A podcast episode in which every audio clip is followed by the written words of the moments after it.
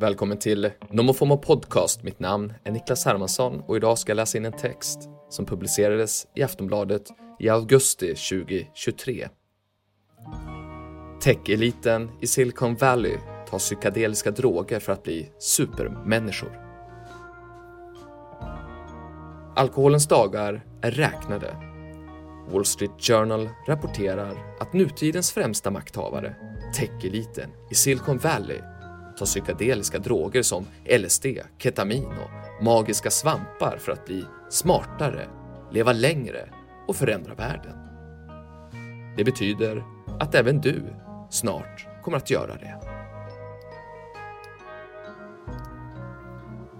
Den globala alkoholkonsumtionen har minskat drastiskt sedan 1800-talet. Faktum är att vi idag 2023 bara dricker en fjärdedel jämfört med vad vi har gjort historiskt. Generation Z är en stor bov i dramat De unga. Undersökningar visar att de varken är intresserade av alkohol eller sex. Hembränt-rörelsen har ersatts av Sober Curious-rörelsen som växer stadigt.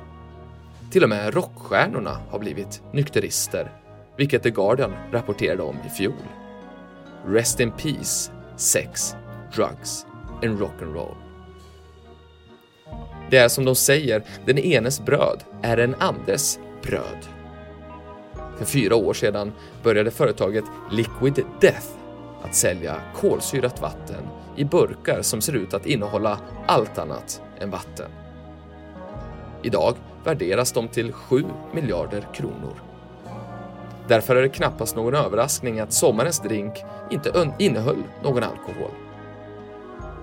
De sociala plattformarna svämmar över av bilder och filmer på så kallade mocktails, alltså alkoholfria drinkar. Bara på TikTok har hashtaggen mocktail över en miljard visningar och trenden lär fortsätta. Forskning visar att klimatförändringarna kommer att resultera i dyrare priser på öl och vin. Till skillnad från de syntetiska droger som techvärlden nu har upptäckt. Jag återkommer till det. Först måste vi släppa in 20-talets main character i leken. 2018 gästar Elon Musk en podcaststudio i Los Angeles. Det är inte vilken som helst. Den tillhör världens största poddare, Joe Rogan. Han som röker cannabis med sina gäster och lägger mer tid på skönt spontana frågor än research. Intervjun filmas och det dröjer inte länge förrän Rogan tänder en joint. Musk hakar på, men erkänner att han vanligtvis inte röker gräs eftersom det gör honom mindre produktiv. I like to get things done. I like to be useful, säger han. Fem år senare, den 27 juni 2023, publicerar Wall Street Journal ett reportage där källor uppger att Elon Musk mikrodoserar ketamin när han inte tar hela doser på fester. Och de skriver att Google-grundaren Sergey Brin äter magiska svampar. De vill själva inte kommentera tidningens uppgifter, men eftersom artikeln publicerats skriver Musk på X, eller då Twitter, att han föredrar ketamin framför läkemedelsindustrins antidepressiva medel som förvandlar, som han säger, folk till zombier. Musk får allt fler forskare på sin sida. Enligt en studie som publicerades i fjol är ketamin snabbverkande, säker på kort sikt och därmed särskilt effektivt för akut självmordsbenägna. Forskarna stöttar även Sergej Brins svampkonsumtion eftersom studier har visat att psilocybin som finns i magiska svampar tycks vara mer effektivt mot depression än andra antidepressiva medel. Psilocybin, ketamin och deras polare MDMA har även visat sig vara effektiva vapen mot beroenden och posttraumatiska stresssyndrom. Att vara IT-chef är ingen dans på rosor. Mr X och Mr Google är inte ensamma.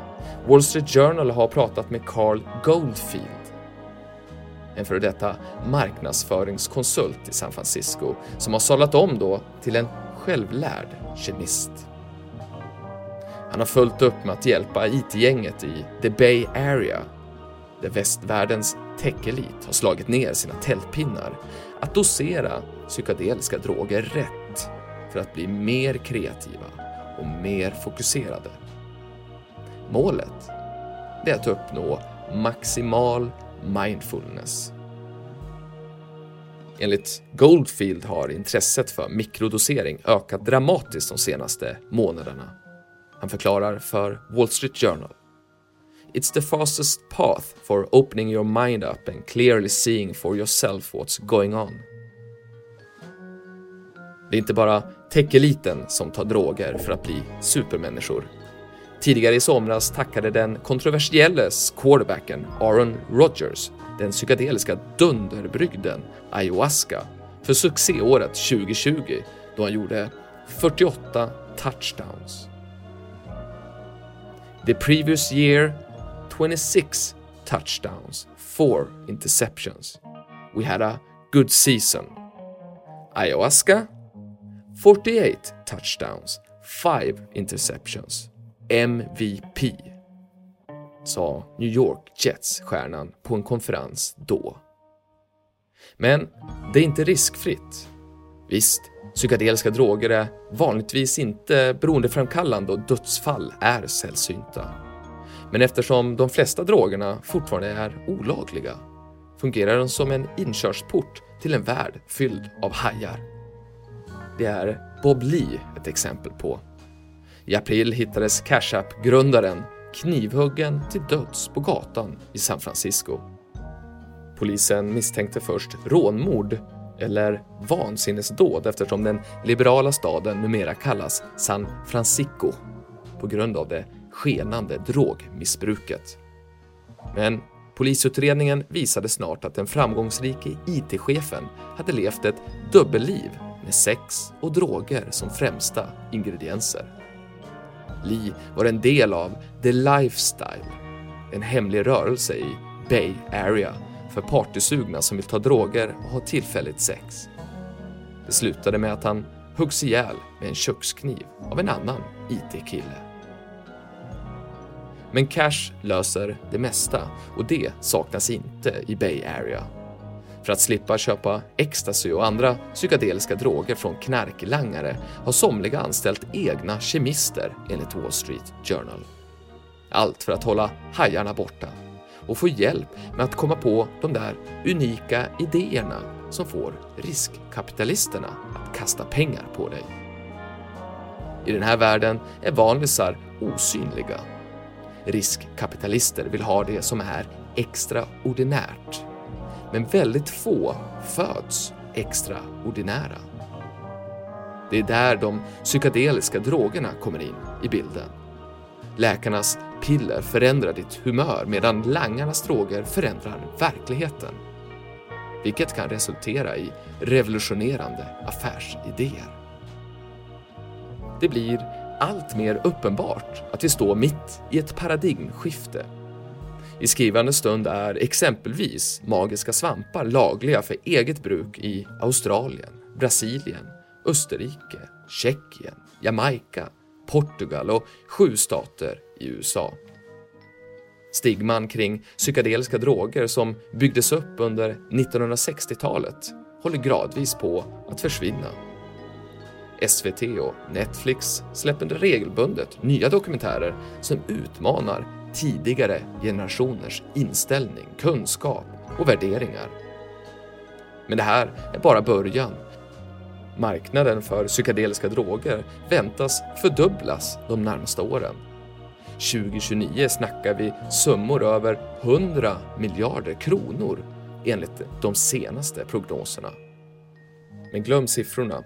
Säkraste tecknet på att vi just nu upplever en psykedelisk renässans det är att Filip Hammar och Fredrik Wikingsson, som genom hårt och enträget arbete besitter Sveriges främsta nutidsvärderingskompass, ja, de lanserade nyligen en ny programidé i sin podcast.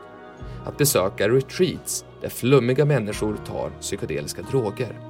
Det är ett program som Filip Hammar har velat göra sedan han flyttade till Los Angeles för över ett decennium sedan. Snart är vi andra också där. Skål!